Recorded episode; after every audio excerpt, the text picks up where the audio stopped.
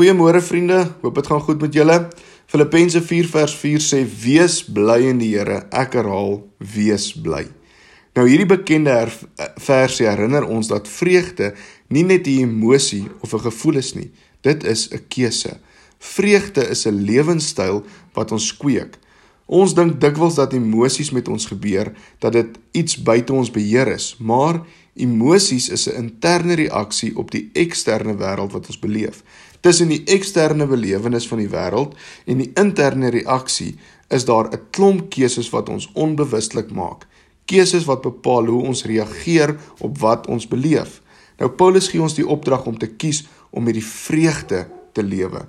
Dink vir 'n oomblik na oor jou gemoed hoe jy op hierdie stadium voel en watter emosies in jou hart leef.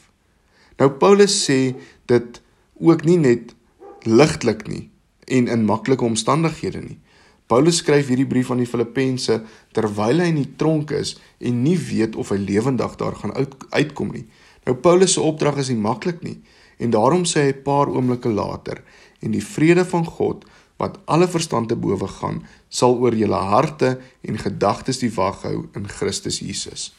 Nou ons het die Heilige Gees nodig om wag te hou oor ons harte en ons gedagtes, om te keer dat die wêreld ons nie van ons vreugde steel nie.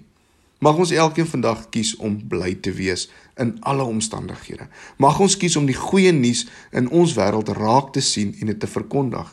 En mag die vrede van God wag hou oor ons harte en die gedagtes in Jesus Christus.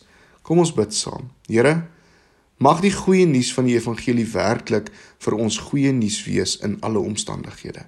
Help ons om bly te wees en om met vreugde te lewe.